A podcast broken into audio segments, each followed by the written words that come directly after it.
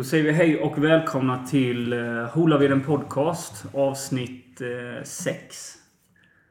det är jag, Arvid Örn, som pratar och med mig har jag den pratglade och knäsvage Johan Palmér. Jajamän.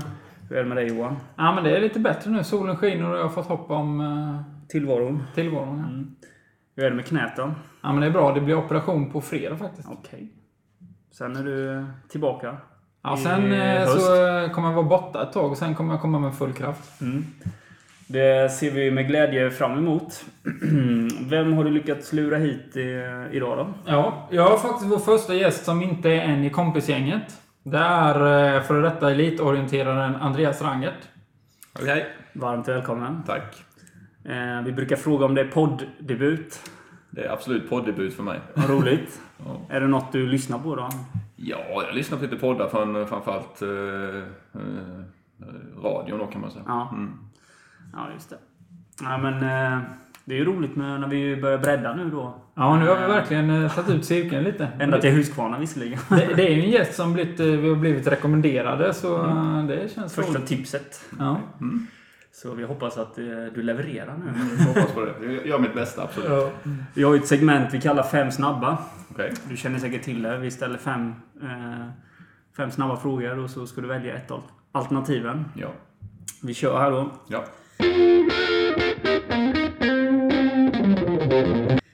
Stig eller obanat? Obanat. Utkikstorn eller tunnel? Utkikstorn. Ernst Kirchsteiger eller Fredrik Lundberg? Fredrik Lundberg. Kycklingfajitas på Stuttgarts flygplats eller rotmos med fläsklägg på Stockmakarna? Eh, jag tror jag tar rotmos på Stockmakarna.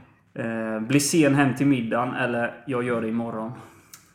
Eh, jag gör det imorgon faktiskt. Mm. Ja, men det gick snabbt. Mm. Ja, det är bra. Det var nog rekord. Jag plockade ja, inte, men det är väldigt snabba frågor. Eller snabba svar. Mm. Jag tänkte vi kan väl börja med lite att vi tar den, att du kan presentera dig själv lite som ålder, var du bor och var du är uppväxt.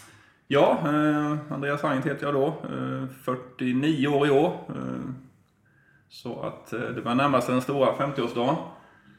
Eh, kommer från Växjö från början. Bodde där till jag var 16 ungefär. Sen eh, blev det orienteringsgymnasium i Eksjö. Tre år. Eh, väldigt fina år faktiskt. Man bodde i elevhem och fick allting serverat. Både träningar och mat och eh, kompisumgänge och träning träningsumgänge också. Så det var kul. Eh, efter det så gjorde jag lumpen, idrottspluton, Falun och sen läste jag fem år i Göteborg på Chalmers innan jag började jobba på Huskvarna. Sen har jag varit på Huskvarna sen dess egentligen, förutom några år jag var ute, i, ute i, och jobbade på Saab inne i okay. Bodengatan då. Eh, men sen kom jag tillbaka till Huskvarna och sen sju år sedan då, då Ja, du är någon form av chef där då? Jag är ansvarig för produktutveckling, produktledning på Husqvarna, på Husqvarna divisionen som det heter då. Egentligen alla orangea produkter. Mm. Ansvarar jag och mitt team för utvecklingsmässigt, produktmässigt och eh, strategimässigt också. Ja, spännande, spännande, mm. spännande. Eh, jag hade en tanke då när jag började skriva den här intervjun och det jag kom att tänka på var det här älgtrofén som finns inne på EKHP. Ja. Som bär den här kransen då från 10 mila. Mm. Eh, och du var ju med den, eh, de dygnen när det bärgades. 95 ja, precis. Början på maj var det väl.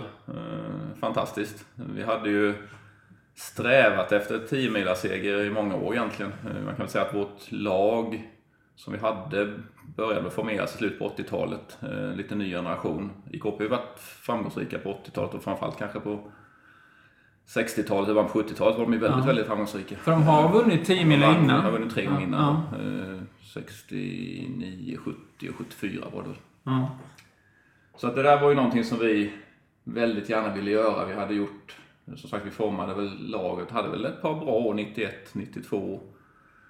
Eh, var vi väl fyra och tvåa. 93 var det sånt här tvåstopp då, orienteringen, som ni kanske har läst om eller hört om. Ja, så då var det ju egentligen inga Ställde ni in tävlingar? Nej, då gick det i augusti sen då. Ah, okay. Eh, personligen var faktiskt, fick jag inte träna det året för de hade hittat någon förändring så jag var lite Lite jobbigt år för mig ja. var det. Men sen kom vi tillbaka 94.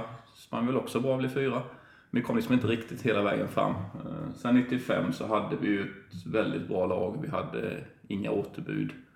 Och eh, vi lyckades ta hem det då. Så att det var fantastiskt. Kände ni där att eh, Nu, nu är det chansen liksom. Jag med tror, det laget. Ja, vi har, vi har tyckt vi har haft chansen innan också. Men jag tror just det året så... mm, Veckan innan det varit landslagstest i Sörmland någonstans. Så jag och Johan Ivarsson och Martin Envall hade varit trea, femma, sexa tror jag det var. Så vi kände att vi hade ju formen eh, och det är ju så att säga de, de viktigaste sträckorna kan man säga. Även om alla sträckor är jätteviktiga så måste man ju ha den här spetsen på slutet för, för att vinna. Så det kändes ju väldigt, väldigt bra. Men ni var med i förhandssnacket inför det? Ja, det var Ni var vi. inga nej, det var, nej, nej, det var vi ju inte. Vi var, vi var, var ju etablerade och vi hade vunnit Jukkola 92. En av de just det. stora ja, som motsvarighet till Finland. Då, Ja. som faktiskt inget svenskt lag har vunnit sedan dess. Jaha. Eh, hoppas faktiskt att det kommer nu, för nu börjar det bli lite väl länge sedan, Ja. 25 år sedan. Mm.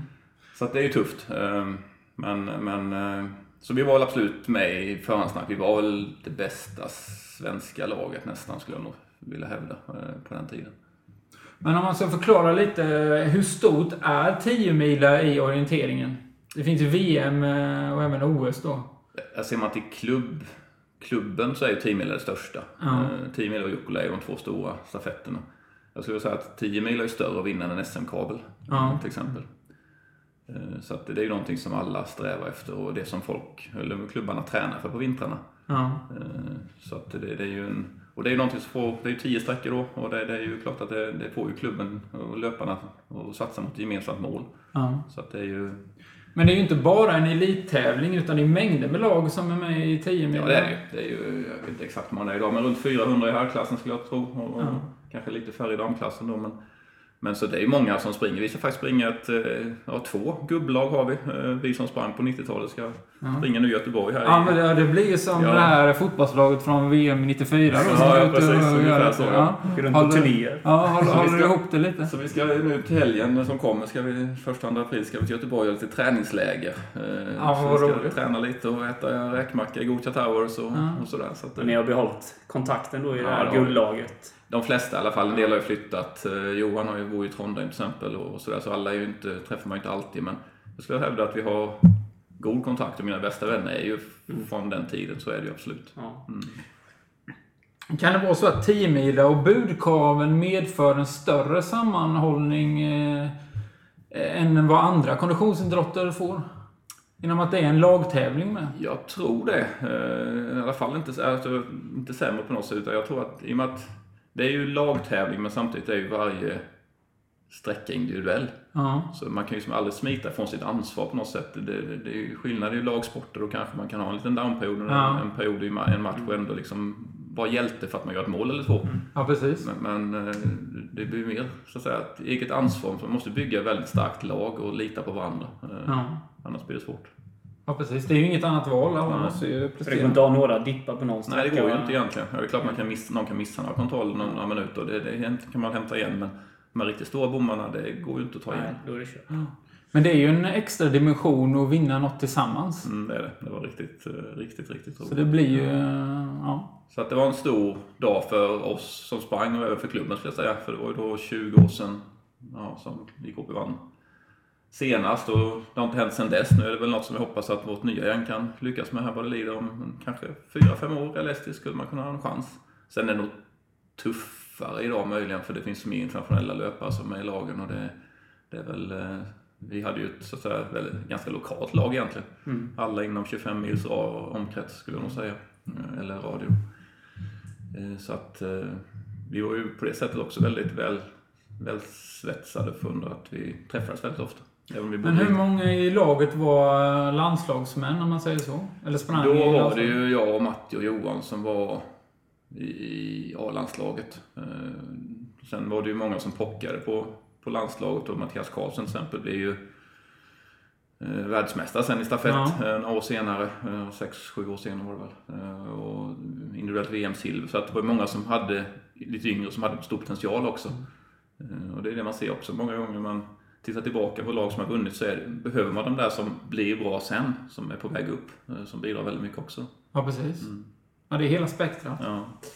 Men eh, på den tiden, det, det var inget snack om att ni var inga heltidsproffs även om ni var med i landslaget? Nej, det var, vi, det var väl ingen som var egentligen inte någon på orientering skulle de säga var heltidsproffs, inte ens de som var VM och sådär.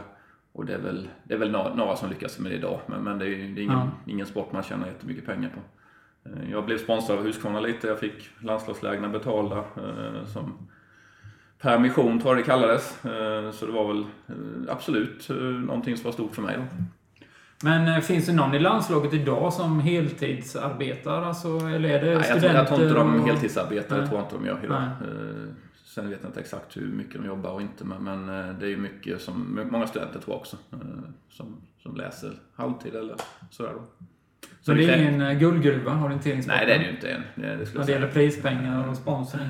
Sen, sen är det så att orienteringen blir ju mer och mer publikvänlig också med GPS-tracking och sådär Ja. och, tv-sändningar och sådär. Så det är klart att det, det, det är ju någonting som syns mer och mer. Men jag tror det är svårt för eh, någon i tv-soffan att se hur pass svårt och tufft det faktiskt är. Eh,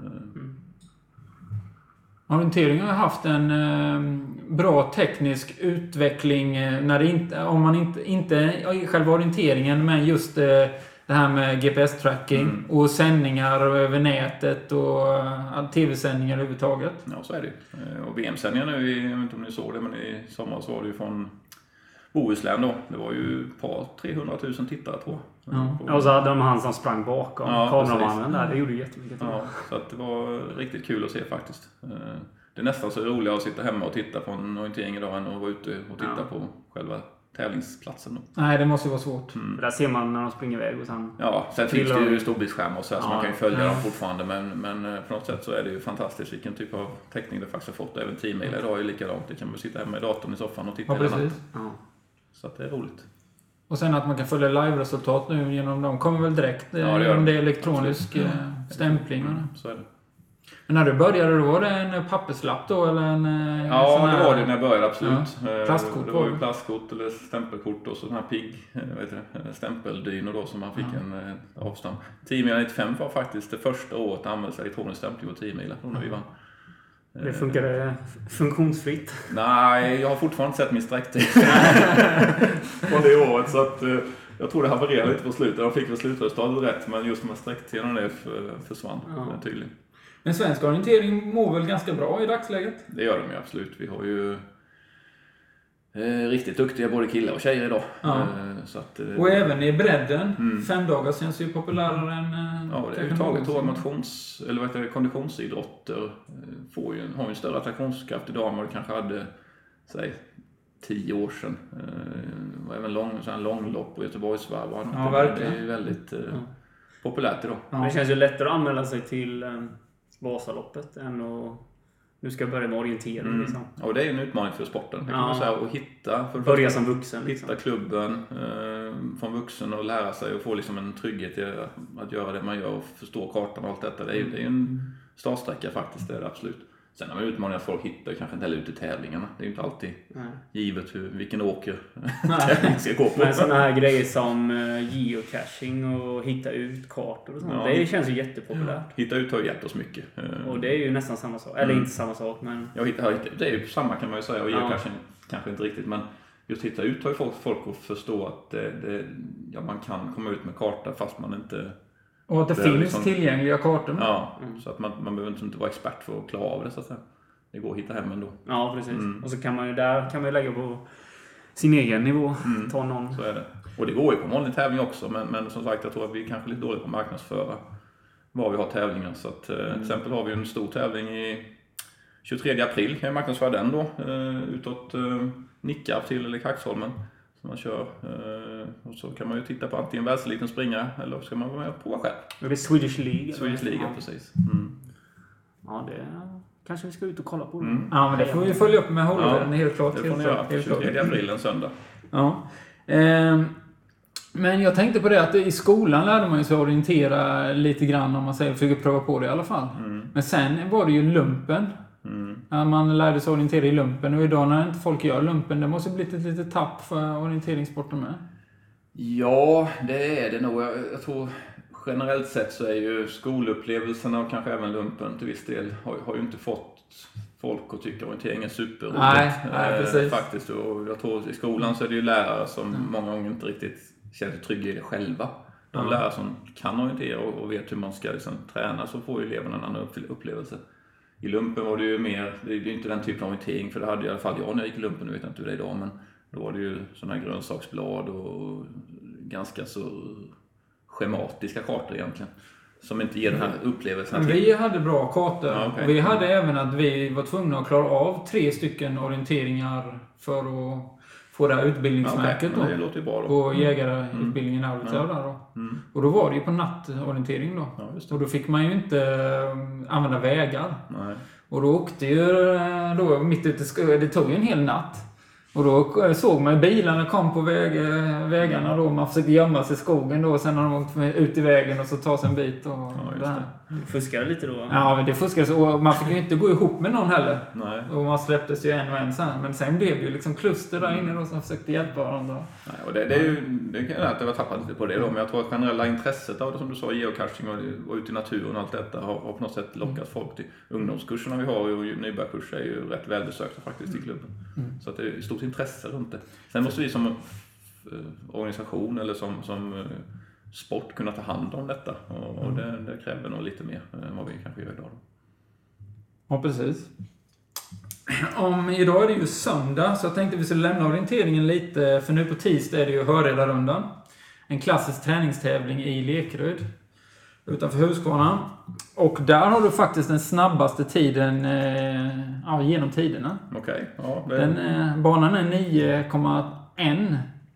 Det skiftar lite beroende på man frågar, men 9,1 enligt GPS-klockan i alla fall. Och din tid är 29.05. mm, Och Arvid ska ju springa här nu då på tisdag och sagt, eh, siktar ju på att komma in topp 7 under 30 minuter. Mm. topp sju genom tiderna. Genom Ja. tiderna? Ja. Det är, Ja, du sa det när vi pratade innan och det visste jag faktiskt inte om att det var den snabbaste. Men eh, just löpningen var ju en av mina stora styrkor. eh, Faktiskt. Jag var ju, hade ju det med mig på något sätt naturligt och, och var väl snabb. Och det utnyttjar man då med vägval och sånt? Ja, det gjorde man ju. Och just fysiken har ju... Nu tränar jag ju absolut inte mest på den tiden i landslaget eller något sånt. Men jag, jag tränar nog rätt effektivt tror jag. Och mycket snabbhetsträning och mycket snabbdistans och sådana typer av träningar då. Så att... eh, ja, hur mycket tränar du ungefär? Har du en uppfattning på det? Ja, det vet jag. Jag tränar ju 450 timmar om året ungefär. Eh, Och då pratar 500. vi bara liksom... Bara löpningen Löpning i princip. Bara löpning. Ja. Inget annat Nej. trams. Ja, lite skidor kanske på något sätt i, på vintern, men det var ju inga vidare vintrar då heller. Eh, Särskilt inte i Göteborg när jag läste det. Nej. Nej, 90-talet var ju Men det låter inte som några jättemängder. Nej, Och- så att det är ju inte några skidåkarmängder på något sätt. Nej. Eh, idag vet jag inte, jag tror egentligen det är olika. Jag, jag, det passade mig bra. Sen kan man alltid säga efter han borde tränat mer teknik kanske. Det, och kanske satsat lite mer på, på karriären eh, orienteringsmässigt då. Jag var ju ja, orienterad som överlag har ju liksom ofta en ingenjörsutbildning eller en högre utbildning i alla fall. Och, och som sagt, vi kunde inte leva på, på sporten enbart så det blir som någonstans ett vägval. Och jag valde att jobba heltid i princip eh, hela tiden då. Så att, det är klart man kunde ha tränat mer men jag fick ut rätt mycket av det jag tränade skulle jag vilja påstå. Ja. Men man kan ju inte träna lika mycket som en skidåkare. Nej. Det är ju större påfrestning att springa. Så att, eh, ja, nej, men så det var roligt eh, att höra att eh, det står sig fortfarande men eh, lycka till på tisdag nu. Ja, under 30 är ju lite av målsättningen. Ja. 29.05 är det en bit. Det är ju riktigt bra. Vad, vad har du gjort? Vet du några övriga löpresultat eller? Ja, det vet jag absolut. Lidingölopp som jag en gång, 1.46.03 tror jag hade på den. Oj, oj, Ja, oj. det är riktigt bra. Och Göteborgsvarvet 1.09. Ja. Och det är en tuff Ja, men du Hammar- tävlade lite då? eh, Ja, vi sprang lite sådana lopp. Det var ju bra, Ja. liksom, även landslagsledningen uppmuntrade oss att Ja, springa ja. den typen av lopp. Uh, framförallt 95 var det ju VM i Tyskland, vi har tyvärr inte kom med på då, men eh, inför det då så tyckte man att springa mycket av sådana lopp, för det var, Tyskland är ju rätt mycket löp, Ja, det är platt. löpstyrka då. Mm. Nej, det är kuperat också. Det finns Ja. väldigt mycket kuperat neråt. i Ja, neråt. Ja, jajamän. Eh, Neråt Så Alpen. att eh, det var, sprang en hel del sådana lopp då. Ja. Men det är ju tider som verkligen står sig. eh, Ja, Lidingöloppet idag, det, Det är inte många som- vara, det har ju blivit generellt sett en sämre nivå. Toppen är väl fortfarande samma, Ja, ja. men då, ja, den bredden finns ju inte. Nej, Det blir ju inte topp eh, 10 på det. nej, jag tror jag blev, Lidingö var det, 21 eller 23 eller något sånt där. Då. Eh, Och det är någonstans de tio bästa tider då. Mm. Skulle jag säga. Ja, men Ja, det är det nog. Det är det nog. Ja, det är, verkligen. verkligen. Som sämst var det väl 2006. Då var väl E- Erik Wikström, vår blogggranne där, han var ju Han blev ju sexa tror jag. ja, på 1,52. Mm. Så det är ju en skillnad. Det är en väldig skillnad. Men eh, eh, jag vet att Kjell-Erik Ståhl som också var orienterare. Han, eh, han sprang mycket löptävlingar när det var lite mindre mitt på sommaren. Var det så då med? Jag sprang en del, inte jättemycket ska jag säga. Eh, Jag sprang en del lopp, försökte hålla igång. Eh, Jag vet det var något Isabergsloppet som passade att orientera väldigt bra. Det var som på kanten borta i backen och rätt mycket kupering då. Eh, Och sån, den typen av lopp. Körde några banlopp också. 5000 och mest tror jag. Så att- Var det på 5000? 15.01 tror jag hade, så det gick aldrig under 15 tyvärr. Ja, Nej, Nej. sikt. Ja. Men det är roligt ändå så här efterhand kan jag tänka mig att du ändå sprang de här publika loppen som Ja, Göteborgsvarvet roligt, och absolut. Lidingö som Ja. gemene man Mm. springer liksom. Så det var kul, det var det. För då ser man ju, får ju ändå folk en blick på vilken oerhörd fysik eh, som liksom krävdes. Men skulle du säga att det var en av de bättre löparna då? Av, eh, Ja, det var i landslaget skulle jag säga. Ja. Det var väl några som var snabbare. Håkan Eriksson tror jag och Mats Stadius. För de allra vassaste orienterarna nu, de utmanar väl svenska eliten? På nästan, nästintill. Jag skulle nog säga, jag tror Jonas Lannesson var väl med på Han gör väl ner mot Mm. 29-30 eller? någon form av EM här i banlöpning va? Ja, han också. gör ju en bra bit under 30 på Mm. milen vet jag. Ja. Så, att, eh, Men han är ju riktigt duktig Mm. så det fanns ju några sådana. Allan Mogensen vet jag, den danska landslagslöparen som bor i Stockholm nu. Han sprang väl på 1.40 tror jag, eller något liknande. Mm. Ja, det är ju drömgränsen. Mm. 1,40 var under det. är Din, dröm, din drömgräns här. Då är det två. Då är det 2,40. Ja. Ja. ja. Men hur mycket tränar du då? Eh, för lite, hinner inte riktigt, reser rätt mycket jobbet. Jag försöker komma ut varje lördag och söndag. Och så är jag glad om jag kommer ut ytterligare en gång i veckan. Men du springer eh, orienteringstävlingar Ja, det gör jag. Och jag har ju tre tjejer nu som springer eh, i KP då, så att eh, vi försöker komma ut. Eh, Nu i april-maj så blir det rätt mycket tävlingar faktiskt. Eh, O-ringen springer vi varje år. Ja. Eh, Så att eh, försöker hålla igång absolut. Så hela familjen är intresserad? Ja, det är de. Eh, Nu ska min mellantjej börja i Eksjö på gymnasiet så att hon följer det spåret. Ja. Den lilla ska vara på Sandra idrottshögstadiet då så att eh, och Amanda går på eh, idrottsgymnasiet här inne på Sandra. Ja. Så att eh, det är roligt. Men Eksjö är en riktigt bra skola va? Ja, det är det. Alltså orienterings... Det tyckte jag. Och terrängen är bra, det finns rätt mycket varierande skogar och eh, sådär då. Så att eh, det var ju för min del, i och med att jag kom från Växjö där terrängen kanske inte alltid är så spännande, så var det ju nödvändigt för en att flytta på sig. Springer man i Skurgata eller? Ja, det kan man göra absolut. Du har ju mött eh, Ja, jag, jag konkurrensen var nu ju i. Fick ju, fick ju stryk där då.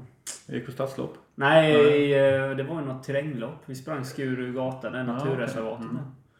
Men det var ju bara obanat. Ja, just det. Passar ju inte riktigt. Nej, det är lite annorlunda faktiskt. Ja. Ja. Jag satsar på stadsloppet. Men vad har du för, har du någon roll i KHP idag? Jag eh, har varit med i Elitkommittén. Jag är fortfarande med lite sådär. Eh, försöker få eh, hålla ihop eh, rekryteringarna, eh, nya löpare och liksom kontakta löpare. Och även hålla ihop mentorprogrammet som vi har. Ja. Eh, nu har jag väl sagt att jag ska försöka trappa ner på det då för att eh, jag inte har riktigt tid. Men eh, ja, jag är fortfarande med i år. Ja. Mm. ja, men det finns ett mentorsprogram. Det gör det. Hur ser vi, det vi, ut ungefär? försöker väl, vi försöker ju få våra yngre löpare, alla som vill ha någon form av bollplank eller mentor ska, ska få det. Försöka hålla ihop det då så att Sen är det upp till varje löpare att fråga efter. Vi informerar om det, att det finns naturligtvis, men det viktiga är ju att det kommer inifrån löparen själv, att jag, jag, jag vill ha hjälp. Och sen kan man ju byta under tiden och det, det sker ofta naturligt också. Så att eh, jag hade Göran Ölen på min tid och så det har liksom varit med eh, lite på, genom åren här. Eh, nu försökte jag hjälpa Kalvis här också, Kalvis Mihailov som tyvärr har trappat ner lite nu men under de åren han var eh, Ja. duktig. Så att vi försöker liksom återanvända kunskapen och erfarenheter som vi har. Ja. Sen så får man vara ödmjuk för det faktum att det som var kanske rätt på 90-talet är ju inte nödvändigtvis rätt idag Nej. heller. Eh, Så man får ju liksom känna lite på hur Ja, det förändras mycket. Ja, orienteringen har förändrats rätt mycket i och med att eh, det är ju rätt mycket mer teknik idag. Kartorna är så pass mycket mer utvecklade kan man säga. Sprintorienteringen har kommit in som en ny disciplin kan man säga. Eh, Jag var på slutet av min karriär så började det väl komma lite då. Är det stats... Ja, stads eller parker eller Ja. så här. Och det är ju det är ju sånt som Jonas Andersson till exempel är extremt duktig på då. Ja. Eh, Där det krävs väldigt hög fart, väldigt hög acceleration, eh, väldigt snabb kartläsning. Man springer kanske en kvart. Eh, Och det fanns ju egentligen inte på vår tid. Så att, och det kräver lite, lite annat än vi hade ju mer, lite grövre kartor, lite mer så att säga springa lite mer i riktning kan man väl säga. Än, än idag är det ju rätt tekniskt hela tiden egentligen. Många gånger. Men det kan ju också vara att man vrider på mentorskapet, att man eh, lär sig från dem, sin adept då. Liksom, kan det här med absolut. nya Ja, teknikändringar. Och, och precis, och- återanvända det då, Ja, den kunskapen. Så att ja. vi har ju rätt många, skulle jag påstå, som är duktiga på eh, att förmedla vad de kan. Jag menar Hanna Palm till exempel, som är tränare inne på Sanda här. Som, som är väldigt med i landslaget och så idag, som kan ta, ta till sig den typen av kunskap. Eh, så att, Så det kan ju vara ett sätt att hålla sig ajour med eh, sportens utveckling. mm, så är det. Och ha en adept. Så absolut, så är det. Och förstå vad som krävs också. Ja. Även om det inte är så att jag satsar på egna resultat nödvändigtvis så mycket längre utan det är mer för att vara ute och ha kul. Och Mm. träffa både kompisar och följa barn naturligtvis och liksom få den här naturliga motionen. Men det är ju en Lite av en livsstil. livsstil, ja. Mm. Precis. Precis, så är det. Men hur kan det fungera då liksom? För det är ju inte, en mentor är det ju inte, då är det ju inte ett träningsprogram utan det finns ju tränare i klubbarna och i Ja, vi har ingen, skolorna. vi har ingen, ja, I skolan finns ju tränare, i klubben har vi ingen utpekad trän, heltidstränare idag. Det har vi faktiskt inte. Vilket jag kanske tror behövs möjligen då. Många storklubbar har ju det idag. Mm. Eh, Så att det är väl någonting, det är väl en finansiell fråga också naturligtvis, eh, vad man kan göra. Men, men det är ju någonting som jag tror skulle behövas. Men sen är det ju också att hjälpa individen och dels så i alla fall ge tips och råd hur, hur man tränar det själv. Sen om det är rätt eller fel får man väl se då. Till exempel det här med snabbhet har, jag ju, har jag ju tryckt hårt på att, att våga bli trött. Eh, våga göra de här jobbiga passen. Till exempel Hörredarrundan till exempel. Det, det är ju lite mm. kymigt innan varje gång man måste springa de där loppen. Men nu eh, för tiden så är det inte mycket orienterare som dyker upp på Hörredarrundan eller eh, de här träningstävlingarna som Jag ligger. vet faktiskt inte hur många det är. Nej, det, det har varit, under de senaste åren har det varit lite dåligt. Nej, precis. Och det, det, det tycker jag är sånt man bör våga göra så att säga. Ja. För att det, det, det, och det, orientera på det sättet, det är ju, orienteringen är ju en sån sport där man kan det går ju att lyckas rätt bra fast man kanske inte har den här fysiska toppdagen. Det är ju mycket, mycket svårare på ett terränglopp då, Mm. eller löplopp. Eh, Så att våga liksom fronta det faktum att man kanske har lite, lite kvar att jobba med eh, fysiskt. Ja, utveckla sin eh, löpkapacitet. Ja, precis. Men hade, jag tror både orienterare och eh, liksom löpare hade haft nytta av varandra. Mm. Och snegla lite på Jag tror varandra. jag också, absolut. För nu är det ju några orienterare som har varit med och tränat med vi som springer bara då. Mm. Och de säger att de har aldrig sprungit så hårda och snabba pass. Medan vi kanske är ute liksom en timme, en och en halv. Mm. Och jag antar att ni är ute betydligt längre. Ja, i alla fall vissa pass är ju betydligt längre än så. Ja. Så, är det, ju. Eh, Så där har man nog mycket att lära av Mm. varandra. så, så det är någonting jag tror är väldigt viktigt för dagens elit och de som är duktiga, särskilt de som satsar på sprint, men även de som satsar på långdistans, eh, orientering som är en och en halv timme då, eh, har nytta av det Mm. eh, faktiskt. Att, att våga, våga bli trött brukar jag säga. Det är, liksom det, det är lätt i skogen att vika ner sig. Det känner jag ju nu när jag är dåligt tränad. Det är liksom det är hellre man tar några gåsteg och liksom eh, viker ner sig lite. Egentligen skulle man kunna springa, absolut. Ja. Det är skalle. Ja. Ja, Men nej, det plötsligt- med tränare, hade ni ingen tränare i ert det guldlaget från 10 mil? Ja, inte heltidstränare. Men vem sätter ihop laget så? Gjorde ni det Ja, vi, har ju, ja, vi har ju ideella krafter också. En var uttagning och vi hade ju de som fixade resor och allt sånt Ja. runt omkring. Och Ja, du menar inga betalda Nej, tränare? Okej. nej. Men det är någon som är lite ansvarig? Absolut, så är det. Elitkommittén som vi har, det det är ju liksom ett ansvar att sätta programmet. Vilka träningar ska vi ha? Vilka resor ska vi göra? Hur organiserar vi det? Eh, Och logi och allt detta. Så att, Men hur la du upp din träningsstruktur för året eh, under tiden du var aktiv? Eh, Jag tränade ju egentligen som mest tränar man på vintern naturligtvis så det var inget ovanligt på något sätt. Eh, Men jag försökte ju vara ganska mycket intensiv, som nu egentligen i mars. Eh, Väldigt mycket snabbhet, eh, eller snabbhetsträning. Eh, Typ de här träningstävlingarna då passar ju perfekt för det. De går ju nu då, för Ja. februari, mars. Så, så det, det passar ju bra tidsmässigt då. Eh, sen är det ju sommaren som faktiskt är tuffare att träna mycket skulle jag säga. Eh, men, men det gäller ju att välja sina tävlingar också. När, när ska man prestera? Vad, är- vad är viktigt med den här tävlingen? Är det, är det att få sätta tekniken, vilket jag mm, försökte göra de första tävlingarna i mars och kanske början på april. Eh, inte fokusera så mycket på löpning. För orientering är så att när, när allting stämmer och du får flyt i kartläsning och, och teknik, då kommer det som löpningen lite sen av sig själv skulle jag påstå.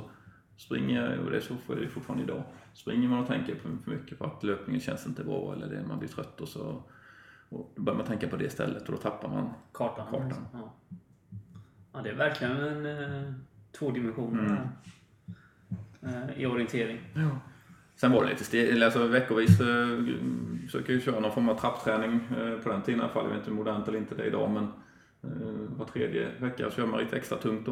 Eh, och sen eh, lite Ja, lugnare. periodisera. Ja, lite så ja. Mm. Ja, men det är nog vanligt. Mm. Det, är nog, det är nog absolut. Och det är också nödvändigt. Mm. Kan man ju tro. Men eh, du har ingen eh, tränare eller eh, ledare eller lärare för den delen som har betytt speciellt mycket för, eh, för dig? Och Göran Öhlen då som eh, gammal världsmästare som var med i de här timmerlagen 70-talet. och Han var, tog ju hand om mig kan man ju säga när jag kom till klubben och var ju den som hjälpte mig eh, de första, vad ska jag säga, fem åren i alla fall. Sen klart en sån, en sån samarbete, det, av naturliga skäl så ebbade det ut eller blivit annorlunda med Mm. åren. Men, men, men eh, de första åren var det väldigt viktigt för mig. Mm. Sen kan man säga att Johan Ivarsson var ju den som vi alla såg upp till och var som lite av vår förebild. Han var ju något snäpp högre än oss andra så att säga. Men det var ju någonting som jag tror hela gruppen hade en enorm nytta av. Att, att veta vad som, se vad som krävs och se att ja, du är inte färdig än. Nej, Det du, det, du gör, det du gör nu räcker liksom inte riktigt egentligen då. Nej, Du precis. måste göra någonting mer. Ja. En konkurrent att slå med. Ja, ja det är det ju absolut. Ja. Eh, lyckas man slå honom så var det ju en stor, stor dag då. Men, Ja. men samtidigt så tror jag att det är viktigt också att i en klubb att det är inte så att klubbmedlemmarna är de viktigaste konkurrenterna utan det är ju alla andra och du själv är ju den du ska slå dig själv på något sätt. Eh, Överträffa dig själv, det är det som är målet på något sätt i, i individuella idrotter många gånger. Ja, få ut allt man har i kroppen. Eh, Så att det är ju... Börjar man fokusera för mycket på hur andra gör eller börja titta på laguttagningar och nu har jag varit tre sekunder bättre än den där och så vidare. Då, då tappar man fokus lite. Om man gör sitt bästa hela tiden så accepterar laguttagningen. Mm. Eh, Och, och, vet man att man är på rätt spår själv då, är det klart att då, då kommer ju man ju med i första laget om det nu är det som är målet. Eh, Så att det, det är viktigt att ha den Fokusera på sin man, egen, kan. sin egen resultat och sin egen prestation. Eh, Så kommer det andra av sig själv skulle jag säga. Mm. Men genom de här budkavlarna och 10 milar så krävs det ju ett stort eh, lag. Det, måste ju, det, är ju, det är ju som sagt 10 sträckor då på 10 Mm. Liksom. Hur ser rekryteringen till eh, de här elitlagen som IKHP ut? Ja, IKP har ju varit... eh, Det finns ju olika metodiker. I, många klubbar rekryterar ju då etablerade landslagsstjärnor. Och det kan man göra. Det, då kommer det ofta med någon form av peng. Mm. Och det är klart, vi... vi Det är ett dyrt sätt att rekrytera. Ja, lite så kan man ju säga. Vissa föreningar har ju mycket pengar från näringsliv och annat. Vi har väl kanske inte så mycket IKP som, som andra.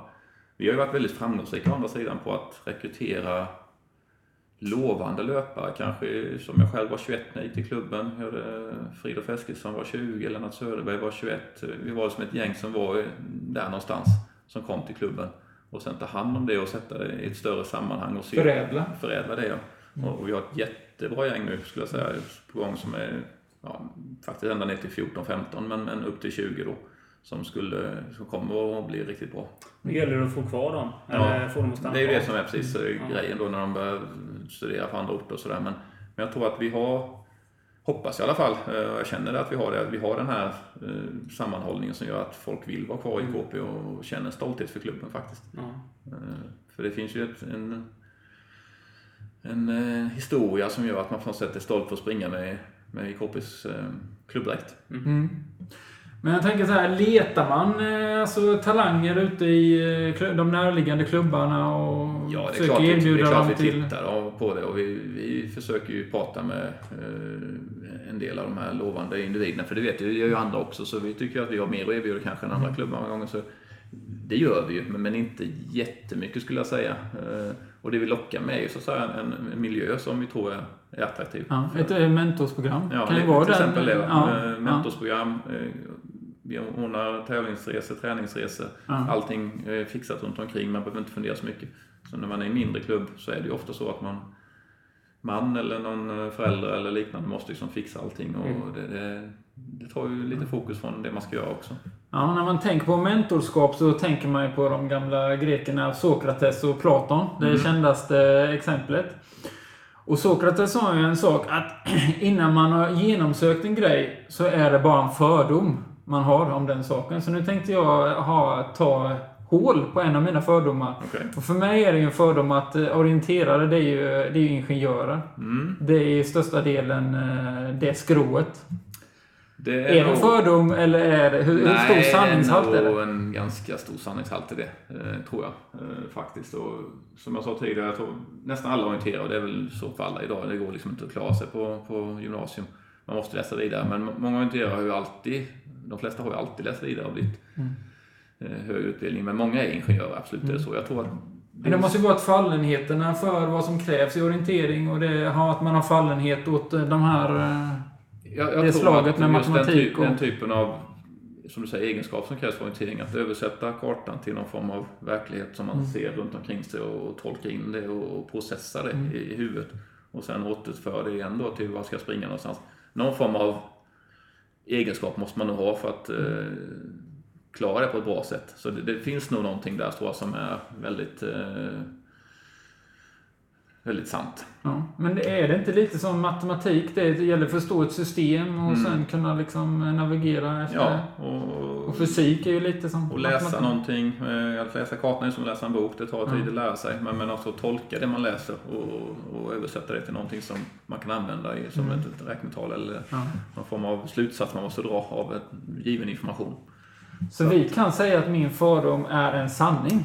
Jag skulle nog vilja hävda att det är så. Ja. Eh, Eller jag kan nog säga att det är så Ja. faktiskt. Ja, men då har vi slått hål på det. Men Ja. för, nu är det en sanning, Ja, det är inte ju- en fördom. Du slog inte hårt på det. Nej, men det är en sanning. Den är befäst nu. Den är befäst. Ja. Den är befäst. fördom om Ja. eh, skidåkare? Nej, men skidåkare kan ju vara... Jag är mycket så här fördom om skidåkare, vet jag inte. Om jag just har speciellt så. Men det är väl också lite åt den... eh, Många skidåkare sysslar med orientering. Så det är väl lite. Jag vet men det är när, inte när Johan Olsson körde fel i Vancouver var det väl. Eh, Han körde ju fel i varvningen där. Så kom han i mål och så sa han eh, Fan jag är ingen jävla orienterare ju." så någon, någon skillnad finns det. Ja, ja visst, visst, visst är det så. Det är, så. Det, är inte så tydligt i alla fall Nej. som, ehm, som så. Sen har jag, jag, fördomar är ju saker man inte vet någonting om. Jag vet ju väldigt mycket om skidor. Ja. Men du har också lite skidor också? Alltså ja, på väldigt lite. Alltså, motionsnivå nu? motionsnivå åker jag. Vi åker ju ett lopp om året här nu med de här Ski Classics, eh, Mhm. ett gäng. Så vi åker ner. Vi åker till Ludvigslav nu senast. Ja, vad roligt. Så att eh, vi har det i Marcialonga nästa år tror vi. Ja, ja, ja. Tar ni olika varje år? Ja, Jaha. så att vi har varit eh, den här La Diagonela, vi har åkt, vi har åkt Birkebeinen, eh, Vasaloppet. Så att eh, det är kul. Ja, jag roligt. Det är kul. Vilken jätterolig. Jag har tänkt samma tanke. Ja. Vilket är, vilket är finast hittills då? Eller bästa Det upplevelsen? finaste var ju Birkebeinen skulle jag säga, men det var Ja. också det fruktansvärt mest jobbiga. Ja. Eh, I alla fall när vi åkte då. Eh, Det var ju otroligt. Vilket år var det? Förra året. Men var det inte Mm. König som snöade så mycket i år? Nej, det var nog den här andra. Kaiser var det. Kaiser, Ludvig Laff. Kaiser Maximilian. Maximilian. Nej, vi hade ju isspår och jättesnabbt. Ja, just det. Men uh, anledningen till att jag tyckte skidor är roligt, jag åkte ju väldigt lite skidor när jag var liten. Växjö var ingen bra stad att åka skidor i. Anledningen till att jag tycker skidor blev roligt när jag la om orienteringen var att då hade jag liksom inget att mäta mig mot. Nej. Nej. Eh, Jag sprang Göteborgsvarvet några gånger sen efteråt också, men det blir som inte riktigt Nej, samma då sak. liksom då då det har jag på... har min tid Ja. och så tappar jag 1,20 och sen blir det 1,30 och sen liksom, nej. Det, Ja, men, då, nej, men, så är, men det funkar ju så. Ja. När man inte visar tillväxt. Det blir en recession Ja. liksom. Och den är väl inte så kul att följa. nej, precis. Så att skidor, då har jag som inga krav på mig själv Ja. riktigt. Utan det Men bara, anledningen till att jag visste det, för när jag skulle researcha lite här så såg jag att du var med på IKHP då när vi körde långlopp 20 varv. ja, just det. Eh, Ja. På den här fruktansvärt kuperade Ja, det var sidningslopp så, Ja, ja. då, ja, precis. Ja, det är inte det roligaste, men... men eh, Nej, det var dåligt väder och det var ju Ja, tuff ja. bana och spåren försvann Ja, i jag stort Glömde sett. Fruktansvärt trött att komma Men, upp slut. eh, Ja. Marcialonga kan vi verkligen eh, rekommendera. Ja, det kan vi göra. Men passa dig för den alpina skidåkningen dagen efter. Ja, okej, ja, det ska jag göra. Ja, Eh, Korsband och annat. Ja, då. Skicross är eh, inte så lätt som det ser ut på TV. Nej, jag har inte ens försökt och tänkte inte göra heller. Men eh, om jag är tillbaka lite på den här med rekryteringen där. Mm. Och är det lite, alltså det finns inte att man har någon agent som försöker rekrytera. Jag tänker som det är likadant som ett fotbollslag. Ja, nej, så är det väl inte. Det, det är möjligt att det finns, men inte som jag känner till. Nej. Utan det är mer... det är ju mer att man skapar kompisgäng och så tycker man det är kul att springa ihop. Och jag tror att det kommer mycket från löparna också, att eh, de försöker prata med varandra. Så var det med mig. Eh, Jag träffade mitt eh, så att säga, kompisgäng i Göteborg då och så tyckte jag IKP verkar jättekul då. I alla fall i den åldern så är man ju rätt lätt påverkbar också. Det är inte liksom, det är mer att man ska hitta individer som man trivs och umgås med, helt enkelt. Men skriver man något kontrakt i... Eh, Mer- alltså när du går till klubben, eh, så att du går som 20-åring till en elitsatsande klubb? Nej, det gör man inte. Eller vi gör inte i alla fall. Det kanske finns det. Det finns ju absolut. De här stora storlöparna har ju det. Det är först när det är en peng inblandad? Ja, det kan man säga. Sen kanske det skulle finnas, inte vet jag. Men, men eh, så länge man inte har något finansiellt så här, att ge tillbaka så... Nej. Vi är ju mycket finansiellt tillbaka till löparna. Det är inte det vi... De får ju både kläder och resor och logi och liksom allt detta. Betalning och anmälningsavgift och allt detta. Jag tänkte att man satsar då på sikt att man har en femårsplan mot 10 mil och att Ja, man det vill- skulle man absolut kunna göra. Så det går säkert och jag tror inte kan nog säkert bli på ett sätt proffsigare. Men samtidigt är det ju, det kräver ju någon form av finansiell styrka bakom det tror jag också. Mm. Som kanske inte alla klubbar har. Någon kanske har det. Någon, vi vet Finland har en del klubbar som är väldigt eh, starka på det. Då. Att, Mm. att, eh, Men jag ser ju den här kitteln framför mig med synergieffekten med eh, då IKHP och, och Husqvarna AB då som en stor eh, arbetsplats för ingenjörer. En högskola som utbildar maskiningenjörer. Eh, finns det något samarbete i den triangeln? Det finns ju mellan Husqvarna och högskolan finns ju samarbete och det ska vi stärka upp mer och mer. Eh, ha goda relationer med, med både, framförallt ingenjörsdelen, men, men generellt sett med Husqvarna, eller med högskolan förlåt. Eh, så att där finns det nog mycket att hämta och det är ju egentligen Husqvarna ABs intresse att, att locka individer och, och duktiga ingenjörer Ja. till stan som vill stanna. Ja, Husqvarna eh, står ju och faller med sina Ja, ingenjörer. så är det ju absolut. Eh, Sen eh, tror jag att det kan locka eh, duktiga orienterare till stan. Jag tror Ja. att det, det, det är en attraktiv miljö för orienterare. Nu är ju högskolan blivit så pass populär här skulle jag säga så att det, det är ett reellt alternativ till Göteborg eller Linköping eller eh, Stockholm. Eh, som är de vanligaste ställena orienterare går. Eh, det är inte så mycket södra Skåne för att det blir det är sämre med skog där. då. Och det är ju rätt fint eh, alltså, träningsmiljö här. Här är det ju fantastiskt. Är det Eh, Det som måste lösas i så fall det är ju det här med transporter till och från träning ut i skogen och att för studenter har ofta inte bil så vi måste ju få, på något sätt få någon form av där skulle man önska att vi kan, klubben och högskolan kan hitta ett samarbete Ja. som, som gör att man kan erbjuda den typen av möjlighet. Då. Ja. Hyra bil eller låna en minibuss eller vad det nu är som, som Sanda gymnasiet har. De har ju en minibuss till, till, till, till handa eh, som, som eh, utnyttjas väldigt, väldigt flitigt. I Ja, vår, ja, verkligen. i vår, vår arena är ju skogen och Ja. det måste man ju ut dit då. Jajamän. Eh, Men tänk dig själv när det liksom som då 16, 17, 18-åring när man vet lite på inriktning, man går i gymnasiet och det då om man blir erbjuden då eh, hos en klubb som även då eh, kan liksom erbjuda en eh, bra utbildning då i, i det och även en fortsättning med arbete och den delen. Att man, när man har den iven till att satsa och liksom eh, vill satsa både på studierna och på elitidrotten då, att det finns ett, mer ett färdigt koncept. Så det är lätt att binda sig duktiga orienterare eh, till sig. Ja, det skulle man absolut kunna tänka sig. Sen tror jag inte att eh, kanske... Det är svårt att lova anställning idag. Nej, men Eh, nej, det finns ju inte. Nej. Men möjligheten finns liksom. Ja, absolut. Och men man kan väl lova någon form av praktik. Det kan man göra, eh, skulle jag tro. Jag tror att Husqvarna börjar bli en attraktiv arbetsgivare för många unga Ja, idag också. ja. Kanske Industrin har ju ofta kanske inte varit så där populär eh, sista tio åren, men jag tror det börjar vända det där också. Det känns som att det, man, ser att det finns mycket eh, IT, mycket konnektivitet, mycket eh, Industri 4.0, alltså automatiserade fabriken och allt detta. Den Ja. typen av utveckling sker just nu så att jag tror man attraherar en hel del andra typer av kompetenser idag än än vad man kanske gjorde för bara, som bara tio år sedan och längre bak. Men får automationen och eh, robotarna och det företags verksamhet att stanna kvar i Sverige? Det skulle jag hävda att de gör, ja. Ja, och då, för under de senaste tio åren, det kanske inte var så populärt, då var det ju med att man såg att industrin flyttade utomlands. Och nu har man sett att de jobben finns kvar i Sverige. ja så är Då det. är det ju kanske en, en, en ljusare framtid att se. Och det, det är ju egentligen Sveriges sätt att hävda sig kan man ju säga. Ja. Att automatisera och utnyttja den duktiga kompetens vi faktiskt har i, i landet. Och det är därför också vi startade en helt ny kedjefabrik här i, i Huskvarna. Ja. Eh, För att vi kunde göra det för att eh, närheten till utveckling Och den synergi som vi får med det, samtidigt som att det är en högautomatiserad modern fabrik, eh, som förvisso kräver väldigt mycket anställda fortfarande. Men det är inte så att det inte är några anställda i fabriken, det är vi har hundra stycken där. Mm. Men, men just det att förr så konkurrerade man egentligen bara på lön för arbetskraften. Ja. Och då kunde man flytta och motivera det. Men idag är det inte riktigt så, utan det är hur effektiv och vilken produktivitet man kan ha i Ja. fabriken. Ja. Så jag tror att Sverige, för Sveriges del är det, skulle jag säga, vägen framåt. Ja. Ja, spännande, spännande. Verkligen. Det finns ju någon känd författare, jag vet inte vem det är, som sa att i... Eller filosof eller vad han var, att i framtidens fabrik så finns det bara två... Är det en hund och en människa? Människan är där för att mata hunden och hunden är där för att se till så människan inte rör några knappar.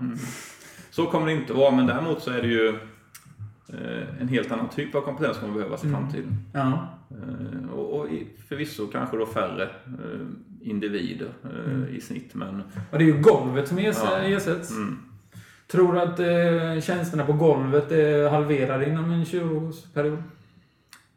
Det halveras det inte, det är färre i alla fall. Eh, Mm. Det är det. Eh, Och, och mycket, betydligt högre andel högre utbildade. Mm. Där har ju samhället sitt, eh, sin utmaning. Mm. Verkligen. Men eh, det är väl inget, inget som säger att det skulle vara något negativ utveckling heller? Jag tror det är positivt. Jag tror det motiverar folk att läsa vidare och motiverar Ja. folk att, att, att söka sig framåt. Och, och sen kommer det ju att... Men sen kan bli folk lediga så kommer man förhoppningsvis utnyttja dem på ett annat sätt. Mm. Och det ser man ju ofta på de städer där det har varit stora nedläggningar. Eh, regementen till exempel Eksjö eller annat. Ja, Trollhättan med... Trollhättan ja, och allt det där Saab. och Arboga någon gång i tiden med Volvo. Folk hittar ju andra sätt att försörja sig. Det, Mm. det kommer liksom någon form av nyskapande och ny, nya idéer runt en sån eh, ganska traumatisk upplevelse eh, Mm. så som det faktiskt är initialt. Så att det får nog fram det bättre av, av människor. Det finns ju alltid saker att, att göra. Mm. Men eh, det är ju att samhället ska lösa vissa frågor, liksom med försörjning och den delen. Ja, så. Annars så sa ju Karl Marx redan på 1800-talet att det var kulturen som skulle komma. Att folk ägnar sig mer åt uh, skriva böcker och täta, att eh, effektiviseringen i industrialiseringen blir så effektiv. Och det är ju där vi har hamnat. Ja, och även det här med eh, att det handlar om produkttjänster snarare än, än bara produkter. Det är någonting Mm. som kommer framförallt för Husqvarna, framförallt, men, men för Husqvarna som för många andra ska jag säga. Eh, Att, att koppla ihop produkten och försäljning av produkten till eh, vad kan det ge mig mer som, som kund? Eh, robotklippan till exempel som, som vi ser nu. Där, vad kan, de, kan man se hur, hur eh, kan man koppla ihop det med väderradar som vi har vissa system som gör nu eller vädersensorer som gör att man kan klippa när man när det är torrt eller när det är blött eller och vattna när det är torrt till exempel. Mm. Sådär då, så att eh, den typen av tjänster kommer ju komma i parallellt med produktutvecklingen här. Ja. Men något som är starkt nu är ju det här med el. El är ju hett. hett. Mm. Eh, kommer vi ha en batteridriven motorsåg i framtiden? Absolut, det finns redan. Mm. Sen är det kanske inte än så länge de höga effekterna. Eh. Och sen är det ju naturligtvis ute i skogen så finns det dåligt med uttag och ladda och sådär. Men, men det kommer absolut att komma. Det kan göra. Ja. ja, vad roligt. Häftigt. Eh, eh, vi går vidare på det här lite med elitidrott. Och, för du har ju faktiskt eh, bytt din elitkarriär till en annan. Du är ju med ditt jobb, så du är, det är ju fortfarande ett, kan man kalla det elit, elit i näringslivet kan man väl kalla det. Ja, Så kan man göra. ja det kan man göra. Så det är ju fortfarande en form av elitverksamhet som eh, det kräver högt, fokus och mycket tid och...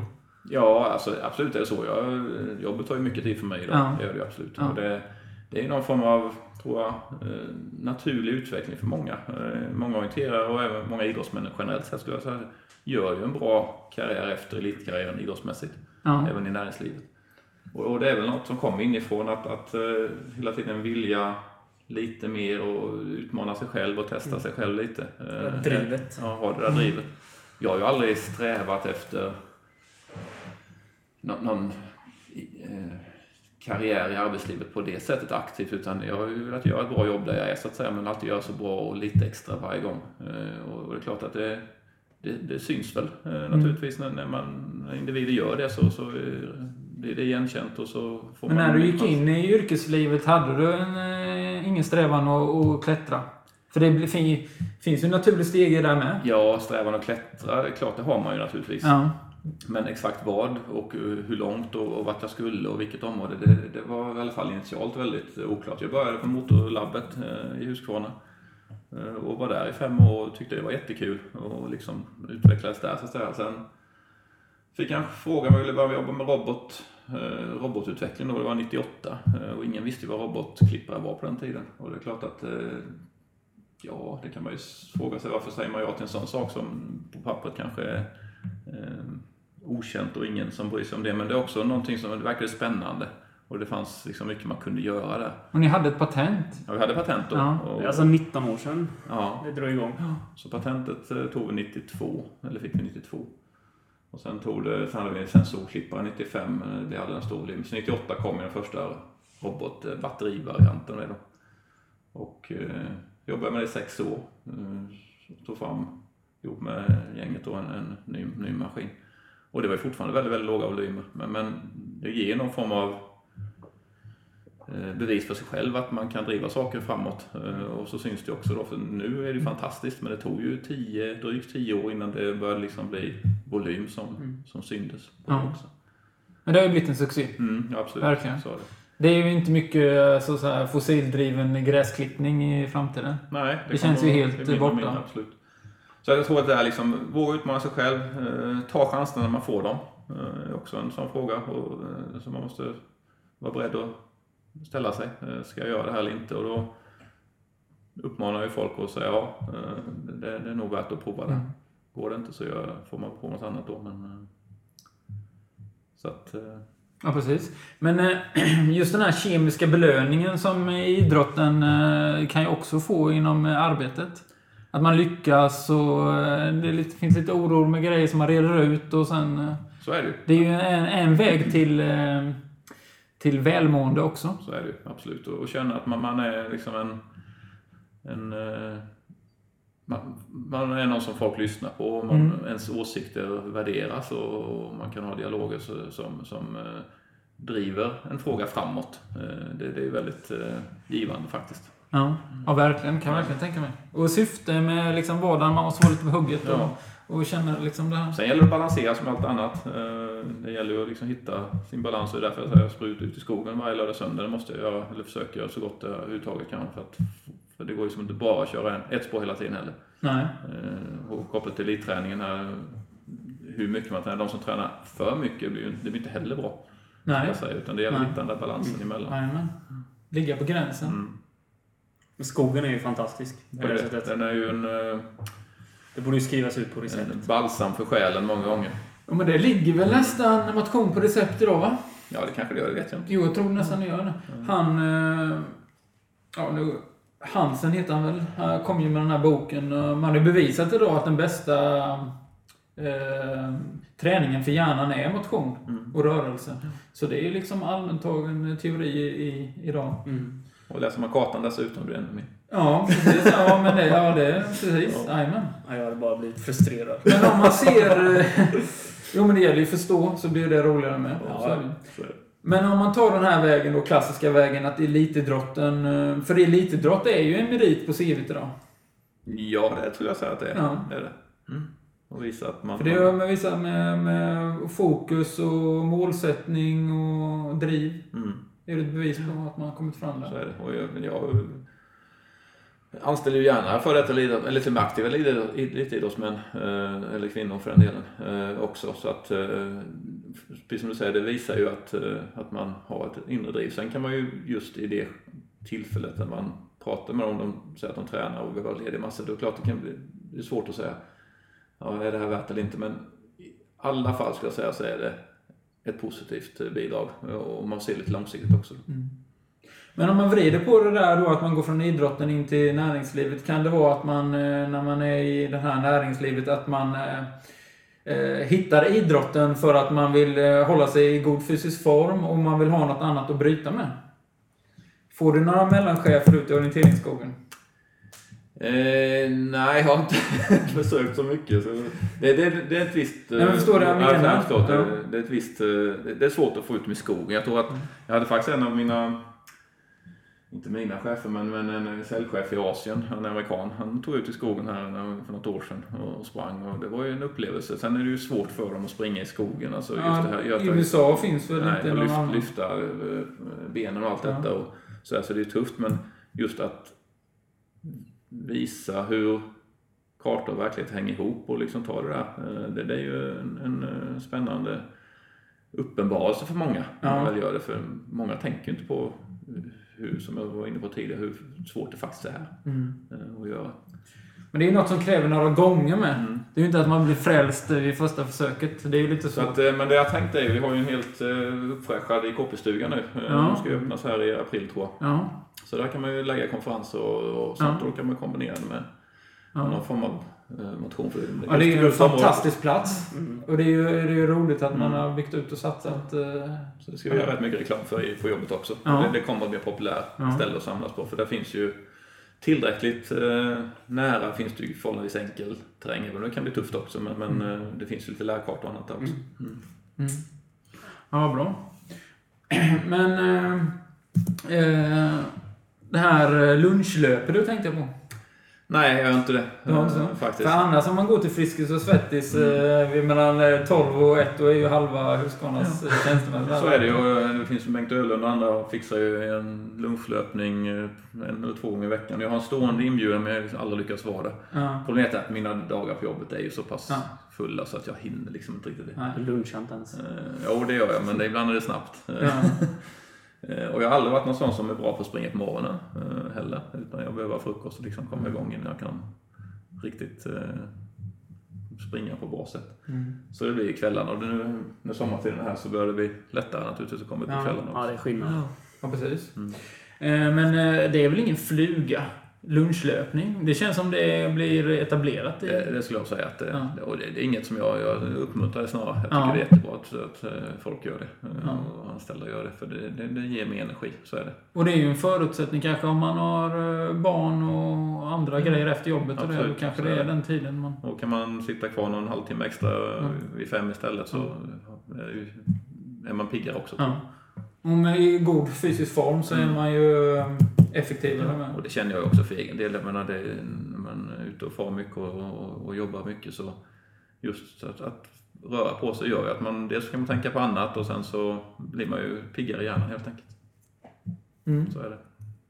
Jag tänkte på det här om vi ska gå vidare lite till andra grejer då. Mm. Att... ehm, eh, tycker du att du är bra på att nätverka? Har du, känner du att du har ett bra nätverk som du kan utnyttja i...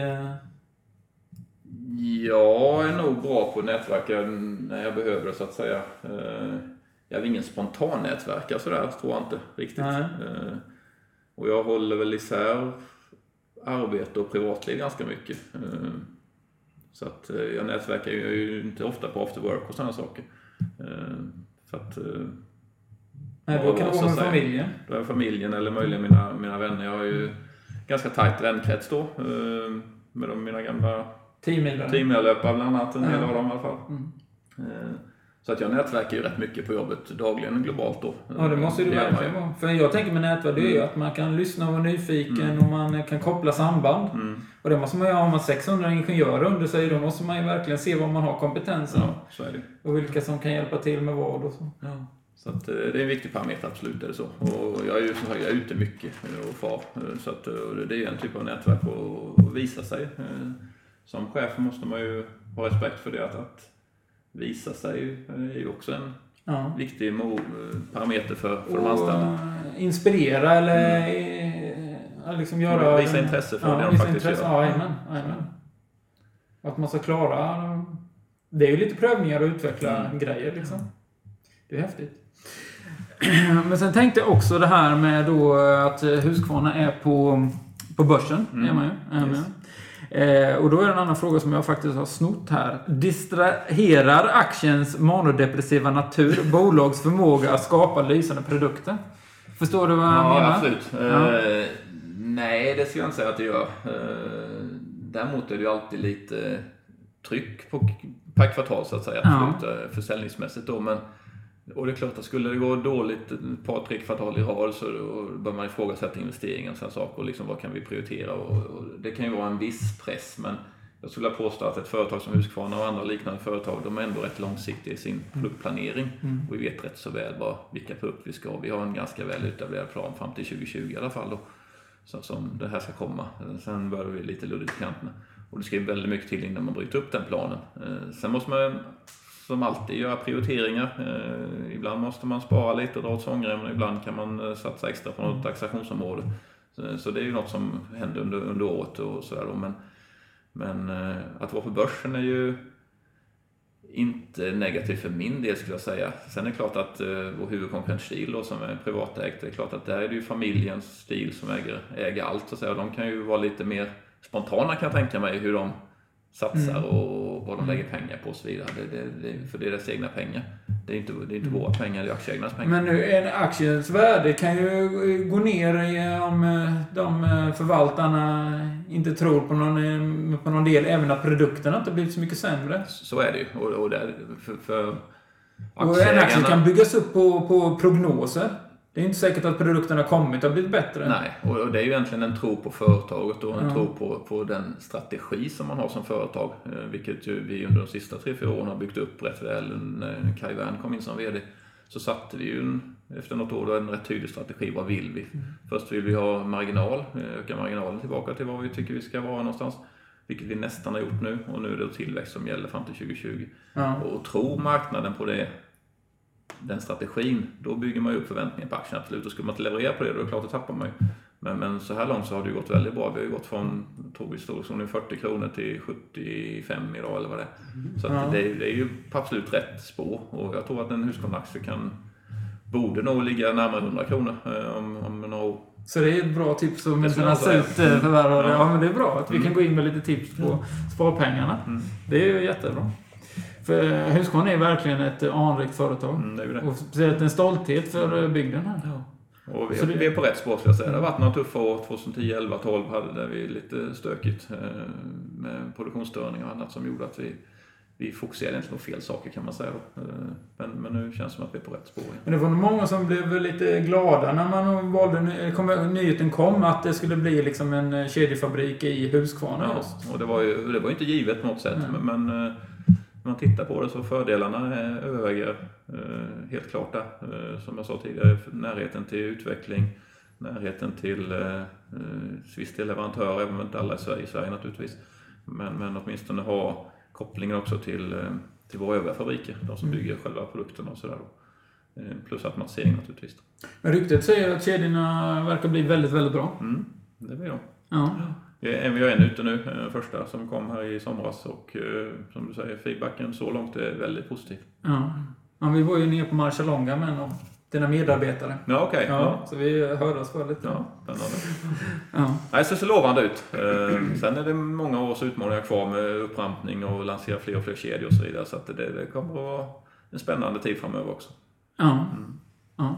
Och hoppas det blir lite samarbete där då mellan orienteringen och högskolan. Absolut. Och, Och just det här med metallurgiska egenskaper och, och skärteknik och allt detta. Det är ett område som, som jag tror vi eh, kommer kunna ha stor behov av framöver också. ja. Ja, det är spännande för orienteringen med eh, SM som jag har nämnt då som är i 2018. 2018 ute i Hok är ju de eh, dagetapperna, sen en natt, nattävling ute i Ryttans mosse. Där IKHB är medarrangör. då. Ja, Ja. det är vi.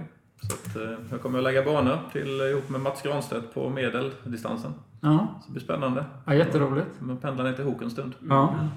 ja, men det är spännande framtid både för orientering och för Husqvarna AB och för Arvid Örn i Hörredarundan här om Ja, två till. dagar då. Palles eh, operation här får vi inte. Ja, Ja, det blir inte så spännande hoppas jag. Nej. Det, det var ju rätt dammig historia tycker jag. det är lång konvalescens- på det. eller? Ja, det blir väl i alla fall tre månader då. säger de då. Så.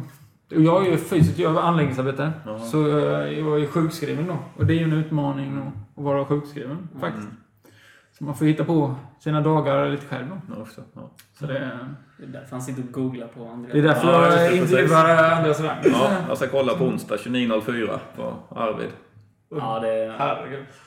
Har du vinden i ryggen så går det. Ja, men det ligger några år fram i tiden. Ja, Det finns ju absolut tendenser att eh, det kan, prognosen vi får la se. Vi får la se. Mm. Det är lika uppåtgående som Husqvarna ABs Mm. eh, aktier. Härligt.